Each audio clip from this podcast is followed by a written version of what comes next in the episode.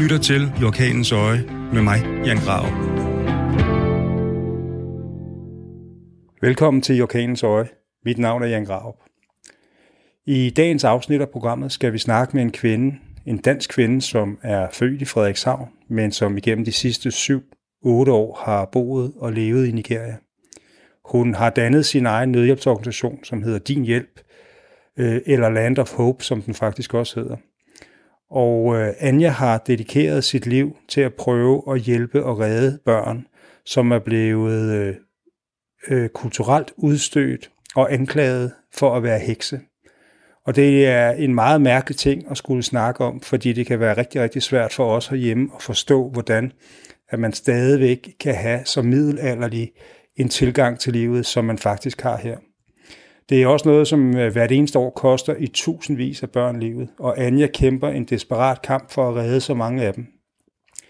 Nogle af jer vil kunne huske historien om det lille barn, den lille dreng Hope, som Anja reddede for nogle år tilbage, som i dag vokser op og lever et fantastisk liv. Så alt i alt, velkommen til Orkanens Øje, og jeg håber, I lytter med.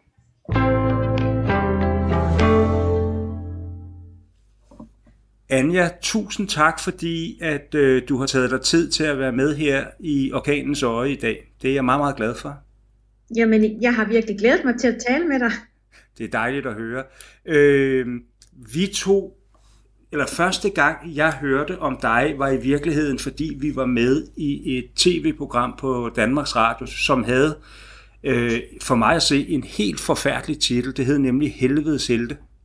Ja, det var vi nemlig. Og øh, det var også en, en ret øh, vild titel. Og øh, ja, det var ikke noget, jeg selv øh, kunne bestemme, men øh, ja, vi var begge to med i den. Det husker jeg tydeligt. Ja, men ja, det, som der var så øh, fascinerende for mig i den proces, det var jo, at jeg lærte om dit arbejde og den energi, øh, som du jo har. Og, og hvis vi ligesom skal have alle lytterne med, så har du jo lavet en organisation, der hedder Din Nødhjælp. Ja. Og du har lavet et projekt og købt et stort jordstykke i Nigeria, der hedder Land of Hope. Lige præcis. Det kan... er helt korrekt. Altså jeg øh, etablerede min helt egen nødhjælpsorganisation. Og kan du ikke prøve at, og, øh, kan, du, kan du ikke prøve at fortælle mig og mine lyttere præcis, hvad der var bevæggrunden for det her, og hvad det er, I reelt laver i dag? Jo, altså for at gøre det meget, meget kort, fordi det er en lidt lang historie, så, øh, så har jeg egentlig altid haft et ønske om at rejse til Afrika og gøre en kæmpe stor forskel for børn øh, øh, i Afrika, fordi jeg fra jeg var øh, helt lille fik at vide, at børn i Afrika, de sulter. Og det var egentlig noget, der dengang vagte min interesse, for dengang tilbage i midt-80'erne havde vi jo ikke adgang til internet, og øh, det at, at få mere viden omkring, hvad sker der i Afrika, det, øh, det brændte jeg for. Og øh, det var en interesse, der fulgte mig igennem først i folkeskolen, og så også senere, da jeg kom på gymnasiet, der var mit mål en dag at få en nødhjælpsorganisation og, og rejse til Afrika. Øhm, senere hen i livet, der, øh, der ser jeg tilfældigvis en dokumentar, øh, det var i 2008, det hedder Saving Africa's Rich Children. Og jeg stusser lidt over den her dokumentar, fordi jeg troede egentlig, at jeg vidste alt om, om Afrika, altså sådan generelt de forskellige lande og kulturer, og det er jo ikke kun sultbørn, de dør af. Der er jo øh, børn, der bliver tvunget til at være børnesoldater. Der er kolera, der er tyfus, der er epidemier, der er det ene og det andet. Øhm, og øh, det der med at, at finde ud af, at der egentlig også er børn, der bliver slået ihjel, fordi der er nogen, der beskylder dem for at være hekse, øh, det var et fænomen, jeg egentlig ikke havde stødt på. Øh, jeg tror alle os, der har været i Afrika, vi ved jo godt, hvad en, en heksedoktor er, altså en lokal medicinmand. Det er jo det er jo noget, mange millioner stadigvæk i dag benytter sig af, hvis man bliver syg. Øh, men at børn de skulle slås ihjel, øh, fordi der var nogen, der beskyldte dem for at være hekse, det var jeg virkelig, virkelig chokeret over. Og endnu mere chokeret over, at det var ikke noget, nogen rigtig tog fat i. Altså jeg, jeg kunne ikke finde de store organisationer som UNICEF, øh, der egentlig gik ind og tog sig af den her problemstilling, og at det faktisk drejer sig om tusindvis af børn om året. Øh, nu kan jeg tale om Nigeria, øh, men øh, i den her dokumentar, der estimerede man, at cirka, to, eller cirka 10.000 børn om året øh, bliver beskyldt for at være hekse i Nigeria. Og jeg ved i dag, ved at have boet i Nigeria nu i syv år, at det tal er meget højere, fordi at øh, meget af det, der sker, det bliver jo hemmeliggjort. Der er jo så meget korruption i Nigeria. Så jeg var, jeg var i chok. Jeg var overrasket. Og der sagde jeg til mig selv tilbage i 2008, at hvis jeg engang får etableret min organisation, øh, en nødhjælpsorganisation, så, øh, så vil jeg tage fat i, øh, i heksebørn. Altså rejse til Nigeria og finde ud af, hvad sker der? Hvorfor beskytter man børn for at være hekse? Så det var egentlig den dokumentar i 2008, der fik lidt mine øjne op for det her. Jeg havde egentlig planlagt at, at ville til Sydsudan og, øh, og måske øh, prøve at sætte mere fokus på, på børn, der blev øh, tvunget ud i at være børnesoldater. Men, øh, men øh, 2008, det var ligesom det, der gjorde, at øh, jeg, jeg, jeg valgte Nigeria i stedet for, fordi jeg så den her dokumentar. Altså, jeg er jo lige kommet hjem fra Sydsudan, netop fordi jeg har, har været med til at dokumentere hele den her øh, øh, børnesoldatproblematik, men også det her med at få børnene tilbage til deres familier, altså prøve at få dem ud øh, fra de krigende parter, og så tilbage ja. ind i en eller anden form for familieliv. Og det er jo et kæmpe projekt, øh, fordi der er mange, mange forskellige facetter i det. Det handler jo både om, at mange af de her børn bliver jo stigmatiseret, fordi ja. de har har begået en masse forfærdelige ting. Og så er der jo enormt lang vej tilbage for de her børn i forhold til at blive reintegreret i samfundet og få fjernet nogle af deres, deres traumer. Hekser, ja. Hekseri er jo vel meget mere øh, historisk, kulturelt betinget, tænker jeg. Ja, det, det er det. Det er jo altså det er jo noget, der er dybt indgroet i øh, den afrikanske kultur. Altså det går jo mange, mange år tilbage, så det er jo, altså det vi er op imod, det er jo ikke, øh, at nu opstår der et, et nyopstået problem. Det vi er op imod, det er jo religion først og fremmest, øh, og en, en, en, øh, en tradition, der går mange, mange år tilbage. Og Nigeria er faktisk, jeg tror det er anden eller tredje, øh, altså det anden eller tredje øh, mest religiøse land i verden de er jo ekstremt religiøse, og religion er jo i bund og grund lidt øh, det onde imod det gode. Altså der er djævlen. Og øh, det at børn de bliver beskyldt for at være hekse, det handler jo om, at man tror, at de bliver besat af noget ondt, fordi der sker nogle ulykker i, i, øh, i samfundet eller i en landsby. Det kan være, høsten slår fejl, eller der sker dødsfald i familien. Så skal der jo findes en årsag. Og det var jo lidt det samme, som som, øh, som egentlig også foregik i Danmark tilbage i 15- og 1600-tallet, der var vi jo også ekstremt religiøse og havde et behov for at finde øh, svar på de ting, der skete. Øh, vi var jo ikke så oplyste dengang. Og øh, derfor så er det jo lidt svært, når vi kæmper imod det her, fordi det er ikke kun korruption, det er jo mennesker, der virkelig, og jeg mener virkelig, øh, de får det jo nærmest ind med modersmælken, at der findes det onde. Og så, så vokser de jo op i de her meget uoplyste samfund.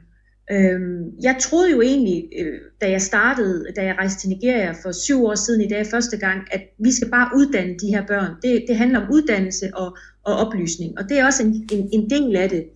Men jeg fandt også hurtigt ud af, at ekstremt højtuddannede nigerianere, der bor i udlandet, de stadigvæk i dag vil kigge på mig og sige, jamen der findes øh, øh, hekse.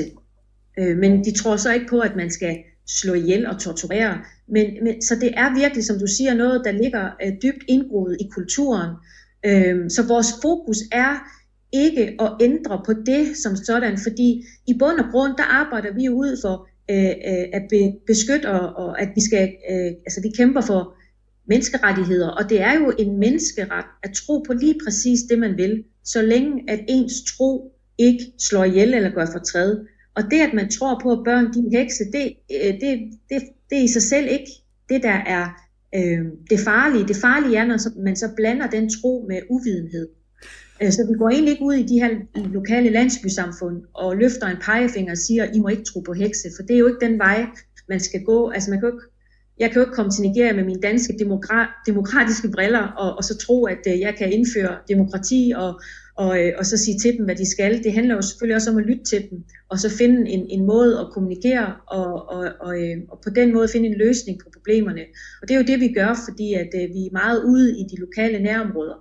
Øh, det er jo der, vi virkelig gør en forskel. Det er jo ikke at sidde bag en computer eller, eller være på mit børnehjem. Det er jo at være derude, og så starte en dialog, og, der, og så derfra begynde at, at, at vinde hinandens tillid. Fordi ellers så lukker de heller ikke samfundene op for os. Så vi kommer ikke ud og siger, at de ikke må tro på, at børn kan være hekse, men de må bare ikke torturere, de må ikke slå ihjel. Så ja, det er, det er, virkelig, øh, det er virkelig op ad bakke. Nogle gange føler jeg også, at jeg løber panden mod muren, og jeg tænker, at det, det her det er jo ikke noget, jeg får, får løst øh, i min egen øh, leve øh, alder. Men jeg har i dag 74 børn på mit børnehjem, Land of Hope, og mange af dem er jo startet på gymnasiet. Jeg har jo fulgt dem igennem syv år, og, øh, og øh, i fremtiden bliver de jo vores ambassadører og går forrest. Så de der små ringe, man snakker om i vandet, der bliver til større, det er jo det, jeg er med til at starte, og det er jo det, er jo, det, er jo det jeg selvfølgelig også øh, fokuserer på, at, øh, at, øh, at vi skal starte et sted, og så må vi tage en dag ad gangen. Men det er virkelig nogle gange svært, øh, fordi de er så, øh, specielt ude i de områder, hvor vi er, så uoplyste og lever jo nærmest, som vi gjorde i Danmark i 15-1600-tallet. Men det er jo verdens fattigste mennesker, vi har med at gøre. Men Anja, prøv lige at høre, øh, fordi der er, jo, der er jo rigtig, rigtig mange ting, jeg gerne vil snakke med dig om, og heldigvis ja. så har vi jo 55 minutter. Ja. Øh, jeg, kunne, jeg, jeg tror, jeg sidder med mange af de samme spørgsmål, som mine lyttere gør, og, og danskere måske generelt. Kan du ikke prøve at tage mig igennem et scenarie, og i den forbindelse, der tænker jeg ikke på det her meget berømte, det vil jeg meget gerne snakke med dig om senere, men, men en situation, som vil være dagligdag for dig og dine, altså dem, der arbejder sammen med dig, mm-hmm. øh, mhm. hvad, er, hvad, kunne, hvad kunne være et normalt scenarie, I vil se en hverdag? Jamen det er, øh, øh, udover at øh, vi skal op om morgenen og have sendt 74 børn i skole, jamen øh, så er vi ret ofte ude i de her lokale landsbysamfund. Øh, det er vi dagligt. Og øh, det er et scenarie, hvor vi først kontakter landsbyhøvdingen, fordi at man kan ikke bare sådan troppe op i en landsby, uden ligesom at, at give sig til kende og fortælle, hvad man er der for. Ellers så kan det hurtigt blive ekstremt farligt. Så vi har meget tæt kontakt med de lokale landsbyhøvdinger, øh, og det man kalder paramount rulers. Øh, og så er vi derude øh, i samarbejde med dem, og øh, så øh, er det ret ofte, vi øh, sætter os ned sammen med de lokale landsbybeboere øh, og holder de her øh, øh, møder, og det kan foregå i en lokal kirke eller på en, øh, en skole.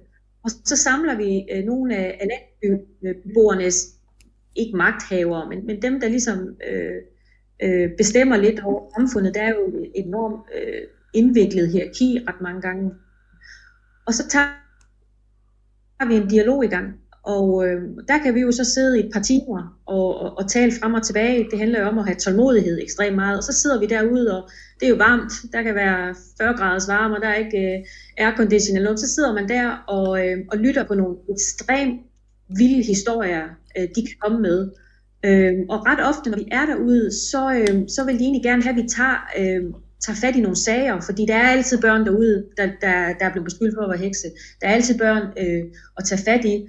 Og, øhm, og så kan de sige, at øh, vent lige lidt, så kommer vi med et barn, og så sidder man tit og venter og tænker, okay, hvordan ser det her barn ud? Altså, øh, og sidst vi var afsted, øh, det er jo sidst jeg var afsted i Nigeria, det var i december måned, Øhm, der sad vi derude og talte med en landsbyhøvding, og øhm, der fortalte han, at en af øh, de lokale øh, piger i landsbyen, hun var blevet øh, beskyldt for at være heks, fordi hun var skyldig i nogle babyer var døde. Og, øh, og da de så bragte hende frem for os, så sad vi jo der og fik at vide, hvordan at øh, hun om natten øh, fik to hoveder, øh, og øh, hun øh, tog de her babyer med ned i underverdenen. Og så viser de os ret ofte de her steder, altså vi siger jo til dem, jamen hvor hvor, hvor kommer man ned i underverdenen? Og så, altså vi, vi, vi, hvad kan man sige, man skal måske i starten øh, lytte og spille lidt dum, og, og, og så, så starter vi de her øh, samtaler, øhm, og, det, og det kan godt være provokerende for mig specielt, fordi det er jo det rene hokus pokus øh, at lytte på, men jeg skal hele tiden fokusere på, når vi er derude, at jeg sidder et sted, hvor der ikke er udvikling, og hvor man er nærmest gået tilbage i tiden, og øh, så handler det om, at selvfølgelig vi fortæller, hvad vi, hvad vi mener og tænker. Vi, vi peger ikke fingre, og vi angriber dem ikke på nogen måder.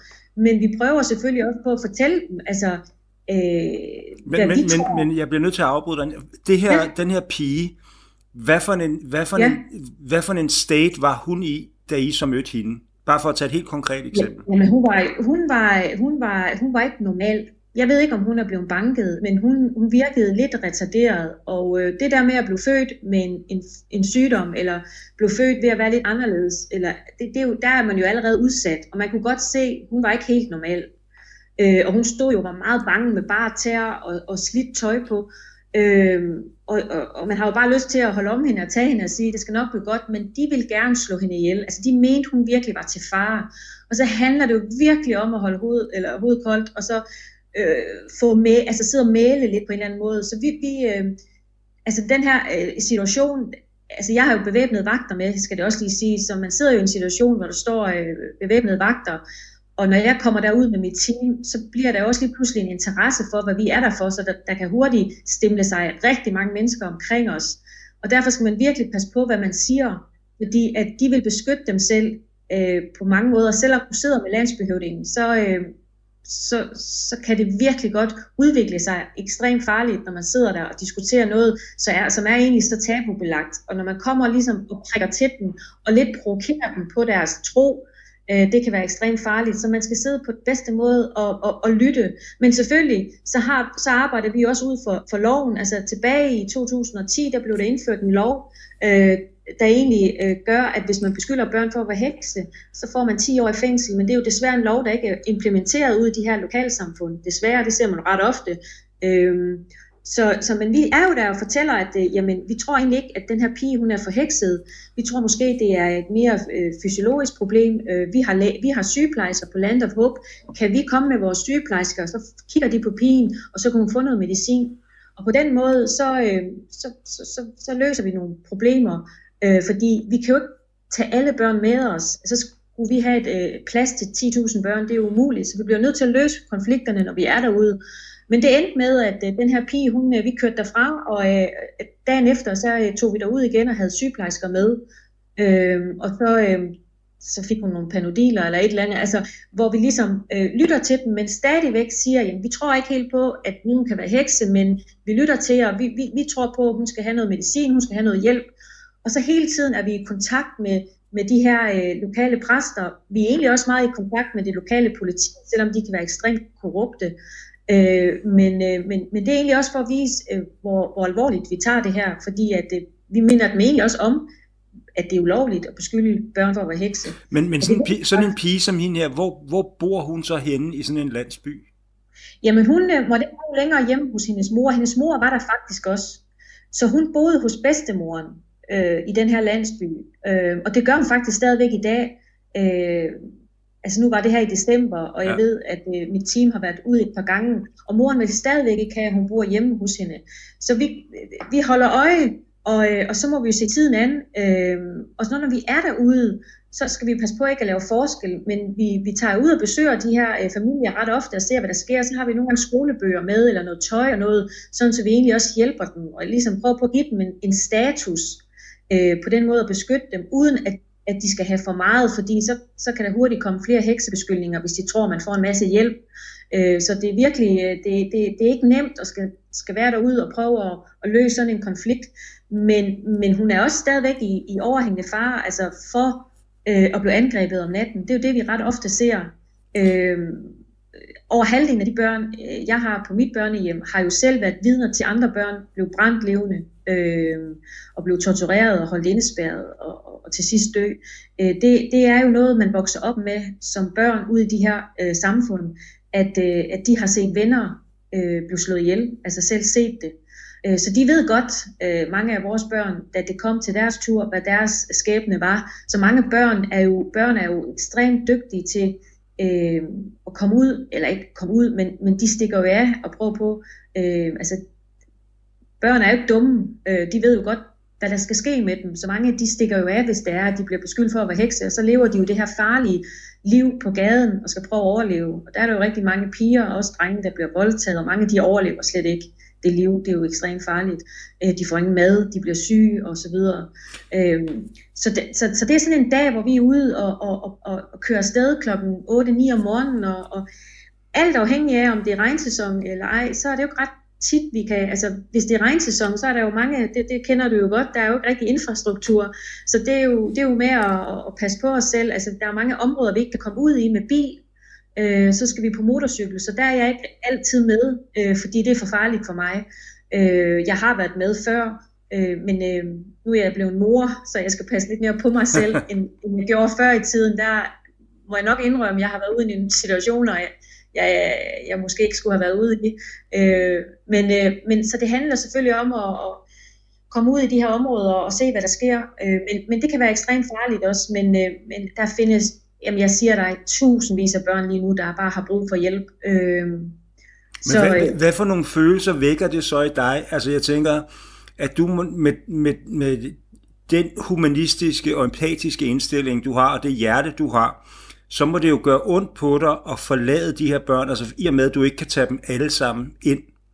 Øh, er det så i specielle eller i virkelig grælde tilfælde, at du så går ind og så siger, prøv at høre, det her barn, det, det nytter ikke noget. Ham eller hende skal vi have med tilbage til barnehjemmet. Eller børnehjemmet. Ja, ja. Altså vi, vi, vi har jo bygget det her børnehjem, hvor vi har øh, plads til, altså vi har jo plads til 100 børn, vi har 74 nu.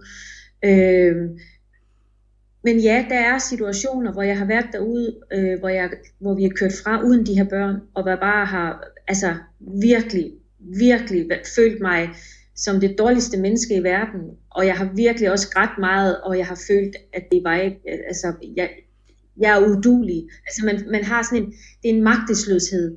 Øh, og der har min øh, kæreste, som er far til min søn, sagt til mig, sådan, altså han er jo en rigtig øh, patriot, kan man sige. Han er jo sådan en nigerianer selv, vokset op i de her samfund, hvor han siger til mig, you need to tough up. Altså det kan ikke hjælpe noget at være et pattebarn. Altså det kan ikke hjælpe noget at redde. Du kan ikke redde hele verden. Dit fokus, det skal være på de børn, du redder, og ikke de andre børn. Så kan du ikke holde dig være i det her arbejde.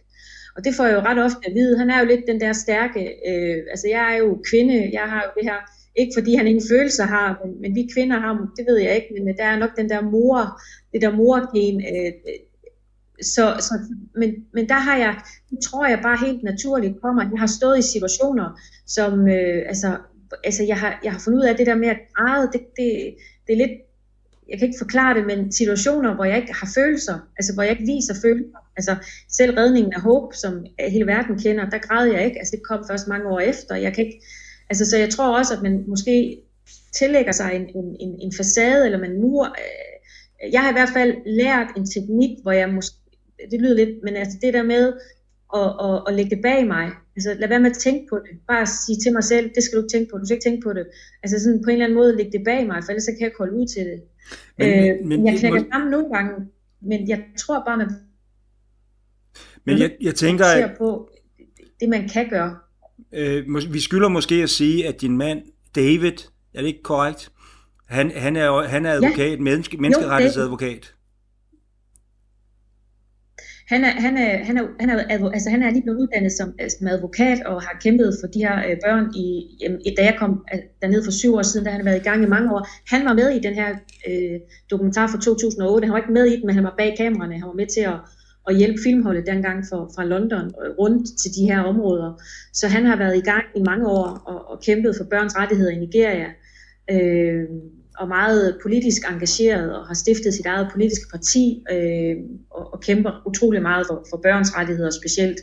Så, øh, så, så mange de tror jo også, når jeg er derude, at jeg bare står alene, og det er jeg jo ikke. Jeg, er jo, jeg har jo et team, og, og det er jo ret ofte, det er mig, der står på sidelinjen og, og, og kigger på, hvad de gør og lytter. Øh, jeg udgør egentlig en ret stor far på vores ekspeditioner, fordi jeg er hvid. Øh, og der, dermed så får vi den her unødvendige opmærksomhed, som vi, vi vil faktisk gerne helst være anonyme i vores arbejde, øh, for det, det, det er lidt mere sikkert. Men, men når jeg så kommer med, så, øh, så er øjnene jo lige pludselig i, øh, imod mig, og jeg er hvid, og hvad laver jeg derude? Men altså det her med ikke at kunne få børn med hver gang, det har jeg jo selvfølgelig oplevet, men jeg, sidst hvor vi oplevede, hvor, hvor, hvor vi simpelthen blev nødt til at tage en dreng med, det var øh, øh, tilbage i oktober, hvor vi var ude i en landsby, og han, altså, han var så ekstremt medtaget. Altså han har levet i lort, altså fuldstændig i lort, og jeg ved, altså han havde det samme, altså han havde i flere år bare lagt i et hul, og han var høj på stoffer, altså sådan noget, de tager ud i de her landsbysamfund. Han var, han var helt væk, og han var i livsfar, og jeg ved ikke, hvordan han har overlevet. Og der sagde jeg til David, jeg er ligeglad, han skal med. Og det kiggede han på mig og sagde, det bliver vi nødt til. For ligegyldigt hvor meget vi taler med de her mennesker, så, øh, så, øh, så, så er han så medtaget, at han skal med.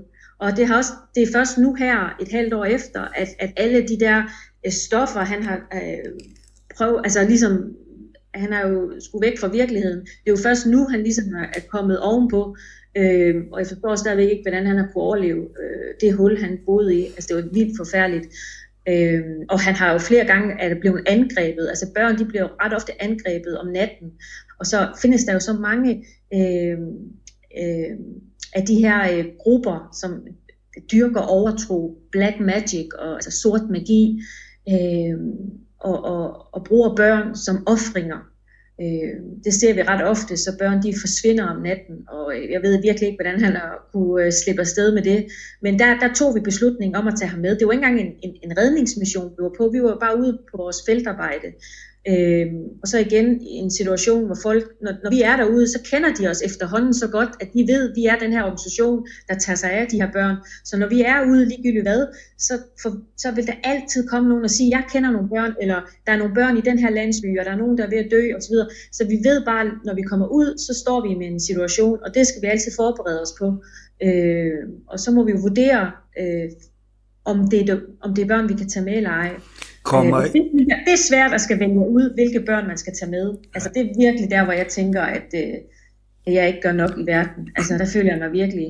Ja, det må være en meget, øh, det må være en, en forfærdelig følelse at stå med der i virkeligheden med et barns liv imellem hænderne og vurdere, ja. skal man eller skal man ikke? Ja, og jeg ved også godt, at vores telefon, vi efterlader jo, når vi er ude i landsbyerne, vi efterlader vores telefonnummer øh, og siger til dem, ring, hvis der er et eller andet. Og øh, jeg ved, at, øh, at Davids telefon, den ringer hver dag mange gange, og han siger det ikke til mig. Det ved jeg. Jeg spørger tit, hvem var det, der ringede? Hvad er det, I snakkede om? Øhm, det er ikke noget. Altså, for han skåner mig, tror jeg, øh, ret ofte, for jeg vil jo tit sige, så skal vi afsted. Altså, det kan vi ikke øh, vente på. Men altså, vi har jo simpelthen ikke ressourcerne. Altså, det har vi vidderligt ikke. Selvom vi, vi, vi har gjort meget de sidste mange år, så drejer det her sig om tusindvis af børn, og, og, og, og hvis vi skulle kun bruge ressourcer og tid på at redde børn, øh, så kunne vi jo ikke gøre andet hele tiden. Så vi bliver nødt til at komme ud, og så måske, øh, eller ikke måske, og så prøve at oplyse og være ude i de her landsbysamfund, og, og komme ud og, og fortælle om, hvem vi er, og fortælle om deres rettigheder. Jeg har set igennem de sidste par år en stor udvikling, også, altså ikke fordi vi har flyttet som sådan øh, deres øh, ikke at de ikke er overtroiske længere, men der er samfund, vi er kommet i, hvor jeg har følt, at der er sket rigtig meget i de syv år, hvor vi har været i gang. Altså hvor de er lidt mere åbne, de er øh, mindre overtroiske og lidt mere, altså de er ikke så fjendtlige mere, som de var i starten. Så, så, så det, det, det virker. Altså det, det, det, det kan jeg se, at de, øh, at de lytter til os. Øh, og så har jeg også bevæbnede vagter med. Øh, så når vi er derude, så kommer vi også lidt med, med altså, den der ikke en løftet pegefinger, men vi kommer med et alvorligt budskab om, at vi er til stede, vi holder øje med, og vi, vi, vi, øh, vi er her også for at hjælpe jer. Fordi man skal også tænke på, at de her mennesker, de lever jo ekstrem fattigdom. Den nigerianske regering gør ikke noget for de her mennesker. De tager jo loven i egen hånd, og jeg har jo kæmpet imod øh, selvtægt og øh, jungle justice, som du også kender til. Altså det, det, det er jo det, der foregår i så mange øh, afrikanske lande. Og jeg har virkelig tænkt, jamen det kan man ikke. I må ikke tage loven i egen hånd. I må ikke slå ihjel osv. Men jeg har jo også set det indefra. Så hvis man forestiller sig, som dansker, der ikke kender til det her, en familie, der bor i en fattig landsby, hvor der er en, en, en bande, der røver hver eneste nat, der, kommer, der er børn, der forsvinder hele tiden. De ringer til den lokale politistation, der sker ikke noget, og der sker aldrig noget. De får ingen hjælp, der er ikke noget at hente. Så tror jeg måske, og så kan jeg godt bedre forstå i dag, at man til sidst hvis man fanger en af de her røvere, øh, ikke at jeg kan forstå, at de så brænder øh, de her øh, mennesker, de fanger levende, for det, det ser man tit, de her åbne lynchinger. Men jeg kan godt forstå, at man føler sig presset til at gøre noget selv. Øh, så, jeg har jo, altså, så jeg har jo også ændret lidt min, min måde at se det på, øh, fordi jeg, jeg ser det hele indenfra nu på den anden side. Prøv, øh, jeg, jeg bliver nødt til at spørge dig om noget, som måske er ja. lidt, lidt hårdt og lidt svært spørgsmål. Det er, øh, kommer du nogle gange for sent? Altså ser du så de her børn, som er blevet slået ihjel? Ja, det, øh, det gjorde vi i starten, eller det oplevede jeg i starten. Altså jeg, jeg blev bedre til at skærme mig selv og, og vurdere situationer. Men vi kom ud, øh, det er tilbage i 2016. Ja, nej, nej, det var fordi du, nej, nej, det var ikke i 16. Var det der, jeg tror, da min søn var lidt mindre, altså baby. Ja.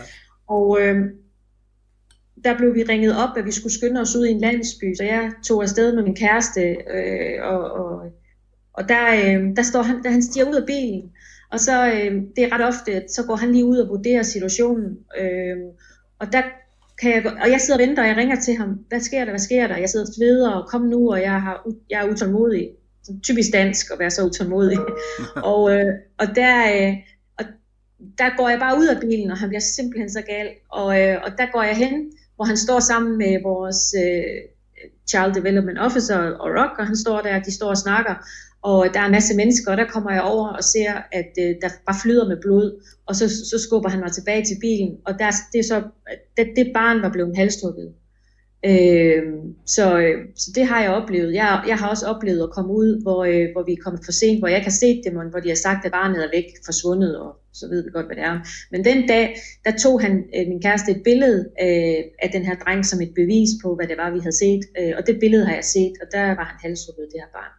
Og det, det var en forfærdelig oplevelse. Og der føler man sig virkelig, altså, det, det, er, jo, det, det, er, jo, altså, det er jo der, hvor jeg er ramt på sjælen, hvis man kan sige sådan. Altså, jeg, det, altså, det kan godt være, at man får en masse ros, og folk de skriver, at øh, hvor fantastisk arbejde man gør, men jeg har virkelig døjet med, med ikke at føle, at jeg gør det godt nok. Altså jeg har virkelig sådan haft en følelse af, at, at øh, jeg, jeg kan gøre meget mere, og, øh, bliver, bliver, bliver, du, altså, bliver du hård af det her? Altså bliver du, for nu når du har boet der så længe, oplever du så en eller anden form for øh, kynisme snige sig ind? Altså det her med, at, at når, man, når man lever med noget så brutalt hele tiden, så kommer der også en kynisme for at overleve. Ja, og det er det, jeg tror, der er sket med mig, fordi det der med, at jeg nogle gange tager mig selv i ikke at, at græde, eller sådan at være rørt over noget, Øh, og, og jeg tror, at i et land som Nigeria, der bliver man også hærdet ved, at man oplever så meget korruption, at man også skal beskytte sig selv. Altså korruption, bare du lander i lufthavnen. Øh, altså, hvor kyniske de egentlig også er imod en selv. Altså, øh, så jeg oplever også, der er, ja, det oplever jeg ret ofte, hvor jeg, øh, jamen, jeg, jeg er en eller anden, jeg, jeg er virkelig blevet forandret, fordi at, at øh, jeg bliver bange for mig selv nogle gange, at jeg ikke kan vise nogle følelser nogle, i nogle situationer. Øhm, og så bliver jeg også nogle gange sådan lidt øh, øh, kynisk på den måde, at man bare tænker, at øh, jamen, det, det, må, altså, det må du selv lægge råd med. Det, det, altså, men man, man får sådan et helt andet tankemønster. Hvordan, øh, hvordan, er det, men, hvordan er det så at komme hjem til Danmark for dig? Altså fordi det er jo noget af det, som, som jeg har bokset meget med, det her med, øh, nu øh, har vi igennem de sidste mange øh, programmer her, der har vi jo sådan haft corona inde på livet. Og, og jeg, har jo, jeg, har jo så, ja. jeg har jo så været i en situation, hvor jeg er blevet opfattet som værende meget kynisk herhjemme, fordi at jeg sidder ja, med... ja, men fordi jeg sidder med den der posttraumatiske stress, og fordi jeg har jo oplevet alle de her ting ude i verden. Du siger det selv før, malaria og, ja. og, og, og hvad der nu ellers er sygdomme øh, rundt mm. omkring, tuberkulose osv. Kommer du så hjem og tænker, som jeg også gør, at øh, vi har det sgu egentlig meget godt, øh, corona til trods? Ja, altså jeg, jeg har været en smule provokeret. Af, øh, altså, det har også været hårdt for mig at skulle være alene med min søn. Øh, men det er mere fordi, at, øh, at, at jeg føler, at man bliver helt inaktiv, når jeg er vant til at være aktiv og være, altså sådan hele tiden gøre noget øh, for andre, hvor jeg føler, at, at jeg spilder min tid, men øh, altså, jeg har været provokeret af at se nogen brokke sig, fordi de ved faktisk ikke, hvad der sker i landet lige nu, som i Afrika, der dør rigtig mange mennesker lige nu, fordi de bliver øh, slået ihjel af politiet, hvis de går uden for deres hjem. Altså, øh, der sker så mange forfærdelige ting, øh, at jeg godt kan, altså, altså ja, jeg kan sgu godt blive provokeret øh, ja, der er nogen, der sidder i kæmpe store villager, og, og måske føler, at det er hårdt at sidde der. Øh, og det er også hårdt, ja, men ens frihed bliver taget fra en, men vi, vi kan trods alt gå ud, og vi har trods alt mulighed for at, at, at, at se solen skinne, og øh, for eksempel i Nigeria lige nu, der er lukket ned, øh, der ser jeg hver dag videoer, øh, bliver sendt til mig og også florerer, hvordan at øh, politiet render rundt med knibler og gennem, altså jeg mener gennem banker, mennesker øh, til døde også, øh, hvis de går ud øh, for deres dør. Altså det, det er jo kvinder, der i forvejen øh, ikke kan brødføde alle deres børn, som er vant til at gå på markedet og tjene en lille smule penge, at de markeder er lukket ned. Øh, og jeg har set, hvordan øh, i Sydafrika politiet også er gået hårdt til den. Altså, øh, altså jeg, jeg vil sige, at jeg er blevet bedre til ikke sådan at komme hjem til Danmark og så øh, øh, være, øh, være, være, hvad kan man sige, provokeret af at se, hvordan folk de øh, lever. Øh, altså, øh, jeg, jeg indretter mig bare egentlig. Altså, jeg blev bedre til sådan at bare lade være med at, det er jo, altså, tænke så meget over det. Altså, jeg, jeg kommer hjem i Danmark, og så er jeg ude og møde en masse fantastiske mennesker, og ude og holde foredrag, og så, det, er jo, det, er jo, det, det er jo det, vi kender i Danmark, og så må jeg prøve at øh, lade, være, altså, lade være med at lade det gå mig på for meget. Øh, men ja, ja, ja det, det, er, det er en smule provokerende, fordi at jeg tror ikke, at vi ved, jeg ved godt, vores økonomi i Danmark, altså det, det er jo virkelig, altså det, det har jeg jo virkelig også, øh, øh altså det kan jeg også godt forstå, der er mange, der virkelig har mistet øh, deres øh, forretninger og øh, har mistet mange penge. Øh, mm, men de har stadigvæk en seng og sove i, mad på bordet og tag over hovedet. Øh, jeg ved godt, det lyder lidt hårdt og kynisk, måske nu får jeg skal ud, men, øh, men det er forfærdeligt for dem. Men jeg tror bare, at øh, jeg tror også, der, der også lever i en helt anden verden. Vi lærer bare at sætte vores liv i perspektiv. Og det tror jeg, det, det er sundt for os. At, at, at det, det, det er jo et privilegie, vi har, at vi kan sætte det hele i perspektiv, når det hele bliver lidt for hårdt, at øh, så ved vi, at der er nogen ude i verden, der har det øh, så forfærdeligt, at vi egentlig ikke har så meget os over. Så Hvem? personligt, så øh, bruger jeg det jo meget, det der med, at, øh, at øh, jeg, jeg påskynder rigtig meget, at jeg kan altid tage et fly, rejse tilbage til Danmark i sikkerhed, og, øh, og egentlig ikke skulle bekymre mig. Altså det er, jo, det er jo et privilegie, jeg har. Der er jo ikke, det kan andre jo ikke bare gøre, rejse ud af den forfærdelighed, de, de bor i og befinder sig i. Øh, hvad, så, hvad med din egen sikkerhed i Nigeria? Altså du har jo du har jo bragt nogle emner på banen, som jeg også forestiller mig, at den nigerianske regering og, og embedsmænd, øh, også fordi du har jo lavet meget larm, også internationalt. Ja. Øh, hvad med din egen sikkerhed i forhold til de her regeringsprincipper? Øh, ja, det er et rigtig godt spørgsmål, fordi da jeg startede for tilbage i 2012, der, øh, der skrev jeg løs på Facebook om børn, der blev halshugget, børn, der blev brændt levende. Jeg brugt ordet witch children og så videre. Og det, øh, det, det gjorde jeg jo rigtig meget. Men så lige pludselig med den første dokumentar, som vi også talte om tidligere, Helvedes Helte, der begyndte der jo ligesom at ske noget internationalt. Jeg kom lidt ud over Danmarks grænser. Og øh, der, øh, der kunne jeg godt mærke lige pludselig et pres øh, fra øh, guvernøren i vores stat, fordi at øh, øh commissioner og hvad var det var, en eller anden commissioner ringede faktisk til David og spurgte om, hvad det var, vi havde gang i.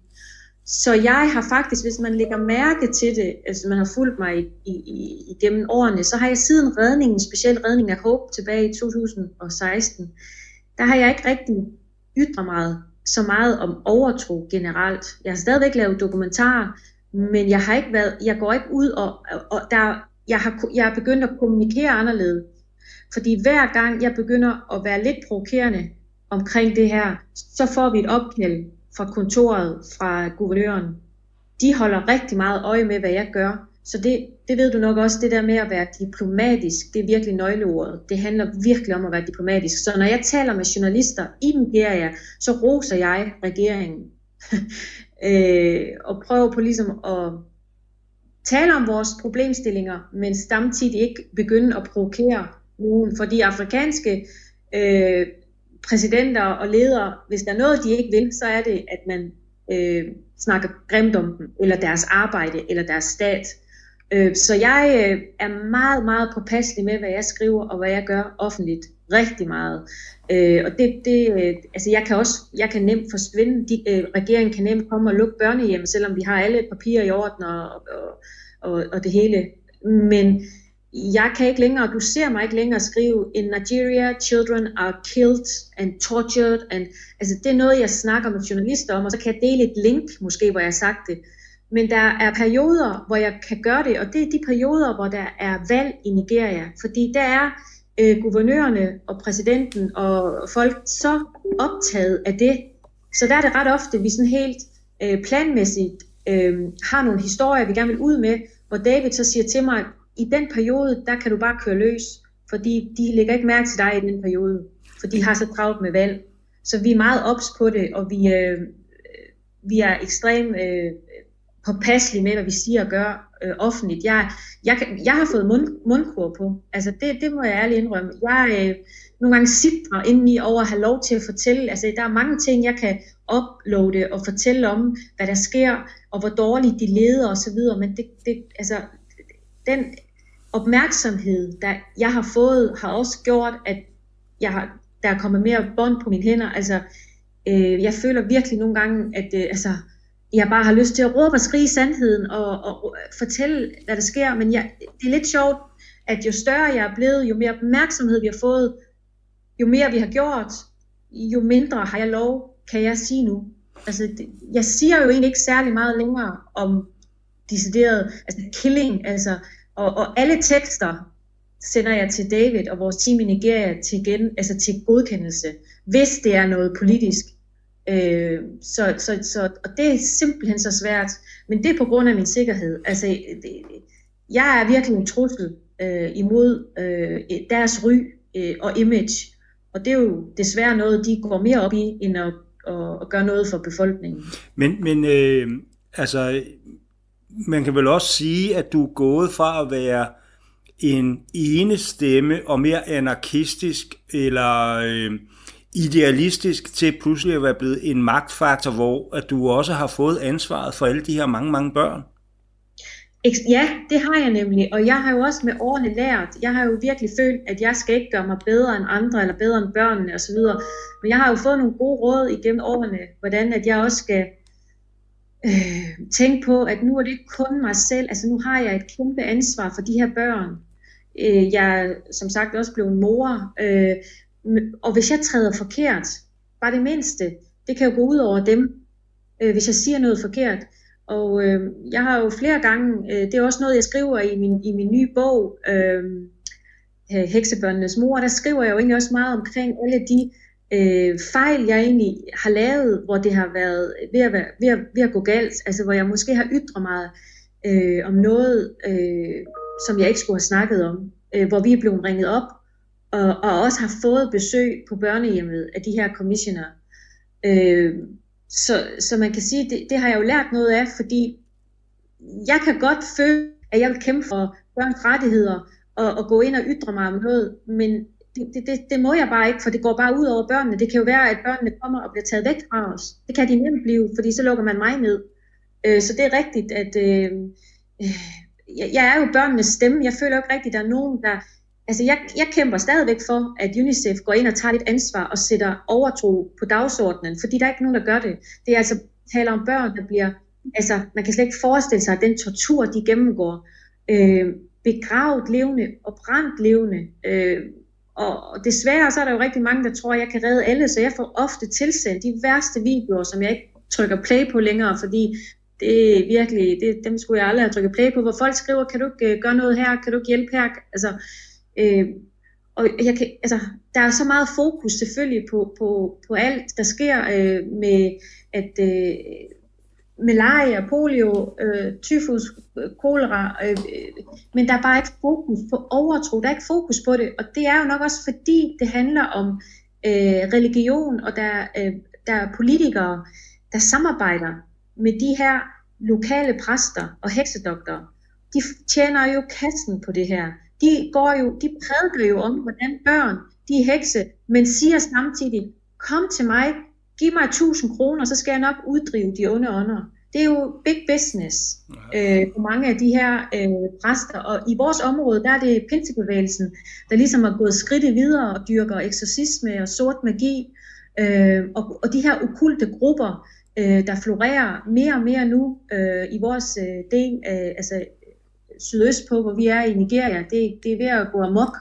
Og, øh, og der dyrker de jo det her, og når der er valg i Nigeria, jamen øh, så forsvinder utrolig mange børn, øh, fordi at, øh, at øh, ministre, regeringsledere øh, går til de her lokale præst, heksedoktorer for at få et godt valg, og der, øh, der, der slår de børn ihjel og bruger deres kønsdel. Øh, så, der sker bare så mange forfærdelige ting, at øh, øh, ja, det, det, derfor skal jeg passe på, fordi det er nogle højere magter, vi er op imod. Prøv, prøv Anja, øh, altså det her, det, er jo, det bliver jo i virkeligheden også en hård time, også for lytterne, fordi... Ja, no, ja. Nej, nej, jamen det, nej, nej, det, er jo, det er jeg jo i virkeligheden kun... Øh, jeg vil i virkeligheden gerne have, at vi fortæller det her så ærligt som overhovedet muligt. Men jeg holder jo også meget af, fordi det tror jeg også er en vigtig del af det herhjemme, det er, at folk herhjemme også ser, at det kan faktisk gøre en forskel øh, med, med en indsats, altså også i forhold til at støtte dit arbejde. Og her der ligger det jo helt naturligt at snakke om Hope, som jo gik verden rundt. Det her helt ja. forfærdelige billede, og hvor man jo kan se på dig i det billede. Det er måske en ting er, at Hope er i den her situation, og man kan se, Øh, altså det er jo forfærdeligt at se på, men jeg kan også se en indignation og en vrede i dit ansigt på det billede. Det meget berømte billede med vandflasken. Og, ja. det, er jo, og det, er jo en, det er jo en succeshistorie. Det, det er en succeshistorie, og man kan sige, at, øh, at Hope han blev helt tilfældigt, altså den redning blev jo tilfældigvis dokumenteret ved, at vi var ude med filmhold og ved at, øh, at skyde dokumentaren Anja og Heksebørnene. Og øh, hans historie er jo ikke enestående. Men det var bare ham, der ligesom gjorde, at vi kom på verdenskortet. Og det er en succeshistorie, og de historier har vi jo rigtig mange af. Og det er jo også dem, jeg altid på sociale medier viser, fordi det vigtigste, det er jo egentlig i alt det her redsel, at vise de gode historier, for vi kan ikke holde ud og se på alt det dårlige øh, som mennesker. Øh, selvfølgelig en gang imellem øh, minder jeg lige folk om det, men det er jo de her gode historier, fordi vi, der er jo virkelig en stor forskel, man kan gøre, når man støtter vores arbejde de her 74 børn, vi har, de vil ikke være i live i dag, hvis vi ikke har fået alt det støtte, vi har fået til også at kunne bygge både børnehjem og give dem det her sikre sted at vokse op og få en uddannelse. Så det er jo en, en, en succeshistorie, og det er jo også noget, der heldigvis har gjort, at folk taler mere om overtro øh, og, og heksebørn. Og det er, jo, det er jo det, vi har kæmpet for i mange år, så det er jo fantastisk. Og øh, han vil jo i den grad vokse op at være vores, hvad kan man sige, øh, det er jo vores, øh, han er jo virkelig beviset på det arbejde, vi udfører, og at, at det at gøre en forskel, det, det, eller det at støtte, det, det kan redde børns liv. Hvordan, hvordan går det med ham i dag?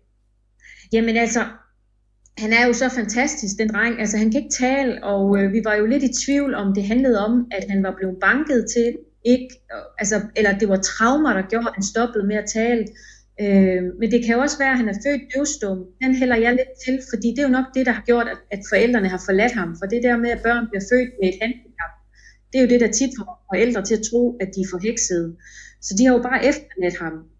Øh, men han kan, og, og han, vi har jo haft ham til mange specialister, og han har også fået nogle speciallavede høreapparater, der gør, at han kalder på ham, og sig om. Så øh, han er jo født på ny, kan man sige, fordi at alle de lyde, han hører nu, skal han til at stykke sammen til ord.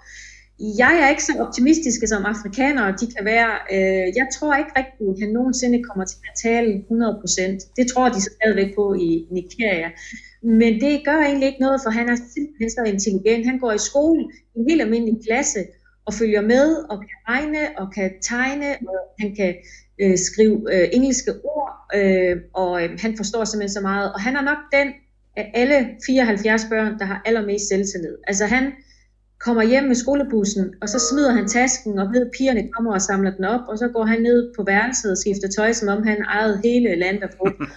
og, og min, min søn og ham, Altså, de er virkelig øh, et makkerpar, vil jeg lige sige, og de laver jo ballade konstant. Altså, øh, jeg render jo rundt og råber, Hope, David Jr., where are you? Og, øh, og de, han er simpelthen så fræk. Og det, altså, han, han ser billedet af, jeg viser jo ham ret ofte det billede af ham og jeg, fordi det er jo et, der kommer til at følge ham, og han skal være vant til det. Og når jeg viser ham det billede, så kigger han på det, peger på mig, og peger så på mig og fortæller, det er dig, der er der. Og så peger han på sig selv, og så siger, det er ham, der er der. Og så smiler han med det største smil, man kan forestille sig. Så jeg ved ikke, hvad det betyder, om det er, fordi han bare selv godt ved, at han blev reddet, og, og se mig nu, prøv at se, hvor langt jeg er kommet. Eller om han egentlig bare fortæller en historie om, at det var det, der skete, og jeg er bare glad i dag. Men han smiler og er glad. Øhm, og det, det er det vigtigste, og vi har også haft ham tilbage i den landsby, hvor vi fandt ham så landsbybeboerne, de kunne se, hvor langt han var kommet, og at han selvfølgelig ikke er en heks, og at, at, øh, øh, at, at, at, at, at, at ja, man skal ikke tro på alt det der. Altså, det handler jo om, at vi også skal øh, oplyse de her landsbybeboere om, at mange presser, de indoktrinerer dem. Øh, det er selvfølgelig et langt stykke vej endnu, men, øh, men han, øh, han er en, en glad dreng, og øh, jeg glæder mig, jeg savner ham jo rigtig meget. Altså, han bliver jo bare mere og mere charmerende med alderen, og ja, han, øh, vi, vi, vi ved jo stadigvæk ikke, hvor gammel han er, men øh, da vi redder ham, der er min egen søn halvandet år. Og sådan udviklingsmæssigt, der har Håb lige været et lille år foran. Så hvis vi skal regne ud fra det, så vil han være syv år i dag. Min søn han bliver 6. august. Øh, så det er virkelig en, øh, en fantastisk historie, som virkelig gør, at man sidder med store smil på læberne. Og igen, han er jo ikke den eneste. Vi har jo 74 af de her fantastiske historier, øh, som jeg også mange har jo fulgt mig fra starten og har været igennem de her syv år med mange af børnene og har set dem gå fra at være små børn igennem teenageårene og har fulgt dem på den måde. Og det er jo det, jeg elsker ved mit arbejde. Det er at kan vise den fantastiske udvikling, børnene de gennemgår fra de ligesom bliver reddet og tror på, at de selv er hekse og har ingen selvtillid og, og, og nærmest ikke tør øh, tale eller noget som helst til, at de får topkarakterer og ligger i top 3 i klassen og taler flydende engelsk og bare øh, tager verden med en storm. Og det er, jo, det er jo virkelig det, jeg føler mig privilegeret, at jeg er med til at redde børn på den måde, altså redde liv, og så ikke bare det, men altså se den her udvikling, den er virkelig, virkelig fascinerende at se og, og være med til. Øh, din bog, som jo er udkommet, som hedder Heksebørnenes mor, øh, ja. er en fantastisk bog, vil jeg lige starte med at sige. Og, tak. og øh, den, den fortæller jo den fortæller jo mig noget om et, en dedikation og et engagement og det at gøre en forskel. Og jeg vil, jeg vil jo anbefale alle mine lyttere at få fat i den bog. Hvis man nu øh, sidder herhjemme og har lyst til at støtte dit arbejde, hvad skal man så gøre? Altså, kan, er, det, er det at udbrede et kendskab til den her problematik, eller handler det om at prøve økonomisk og finansielt at støtte dit arbejde? Hvad er det i virkeligheden, du har allermest brug for? Jamen det, det er faktisk lidt af det hele. Selvfølgelig øh, er medlemskaber det at melde sig ind i i, i din nødhjælp. Det kan man gøre ved at gå ind på dinnødhjælp.dk. Vi har faktisk, det står også på skiftet navn, det kommer jeg snart ud at offentliggøre. Vi hedder faktisk som organisation i dag Land of Hope, ligesom børnehjemmet. Det, det er lidt bedre at udtale det end din nødhjælp, når jeg står på konferencer i Europa. Det kan de ikke rigtig udtale. Men man går bare ind på landofhope.dk, og så kan man øh, betale et medlemskab, og man bestemmer egentlig selv, hvor mange penge man betaler for det. Øh, medlemskab er jo med til at opretholde en organisation, så det, så det er selvfølgelig det, der gør, at vi kan overleve, og selvfølgelig også donationer. Men det er også ret vigtigt, at man måske bare følger mig og deler mine budskaber, sådan så man kan få spredt øh, den her øh, viden om, om det, vi kæmper med i Nigeria, så flere de finder ud af, at der faktisk er tusindvis af børn, der der dør, fordi der er nogen, der beskylder dem for at være hekse. Der er stadigvæk rigtig mange, der overhovedet ikke har hørt om det før, og slet ikke kender til det. Så bare det, man deler et af mine opslag på sociale medier, så har man faktisk også været med til at gøre en stor forskel. Så der er rigtig mange måder at gøre det på, men selvfølgelig øh, økonomisk støtte er jo det, vi lever af. Det er jo det, der gør, at vi kan blive ved med at redde børn og gøre en forskel. Øh, men, men bare det at følge mig også, det er jo også øh, noget, der gør, at vi, vi, vi er flere, der, der kæmper for den her samme sag. Øh, så der er mange måder at gøre det på, men ellers så kan man gå ind på vores øh, hjemmeside og læse meget mere. Ved du hvad, Anja, du har en stor plads i mit hjerte, og jeg glæder mig meget til at, at møde dig. Måde, jeg, lige sige, jeg ved, at det ikke handler om dig, men jeg vil også bare lige sige lige mod, jeg har jo fulgt dig i mange år, og jeg synes, du er så fantastisk, og jeg håber, vi kan mødes en dag. Ja, men jeg tror ikke, der... har meget at snakke om, tror jeg. Det tror jeg også, men ja, der går ikke så lang tid, for, eller før jeg kommer til Nigeria, og faktisk skal beskæftige mig med det her emne. Og øh, jeg satser og Ej. håber selvfølgelig meget på, at, øh, at du i den situation... Så kommer du forbi børnehjemmet. det kan du tro, jeg gør, og jeg forhåbentlig også længere altså, ude. Vi holder døren åbne dig. Ved du, Anja, tusind tak for vi din tid. Vi har en seng og værelse til dig. Det love dig for, at vi har. det glæder jeg mig meget til. Du skal have tusind tak for at tage dig tiden. Øh, Fantastisk. Øh, og, og jeg er så glad for Jamen, at, øh, at snakke med dig. Ja, selvfølgelig. Tak for det. Vi snakkes ved, Anja. Pas godt på dig selv, og hils din mand og din søn, og ikke mindst Hope. Tusind tak. Ha' det godt. Hej. Hej hej.